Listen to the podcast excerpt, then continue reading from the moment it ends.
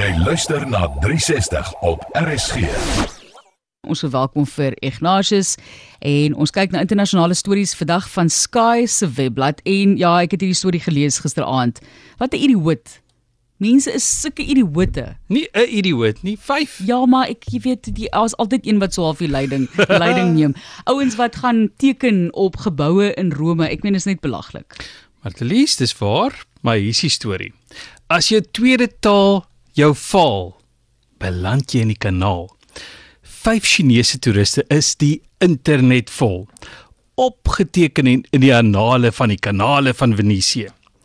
Die advertensiefoto's van 'n rit in 'n gondel lyk romanties, rustig, maar as die miljoene toeriste toesak, is hulle avontuurlustig. Soek net selfies. Die gondelier sing gewoonlik vir die gaste wat die rit meemaak. Maar ek dink daai stem het sopraan geslaan toe hy vir sy gaste sê sit. Nie staan nie, sit. Stop die selfies, ek moet draai, sit.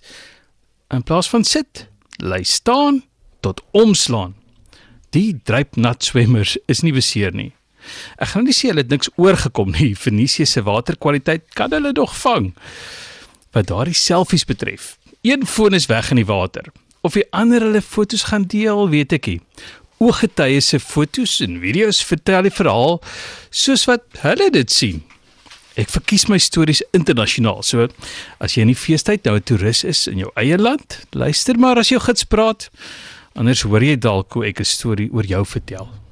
Ja, ek dink die ironie is die mense wat video's en foto's geneem het van die spul wat omgeval het, gaan seker nou meer likes en al die tipe van goed op sosiale media kry.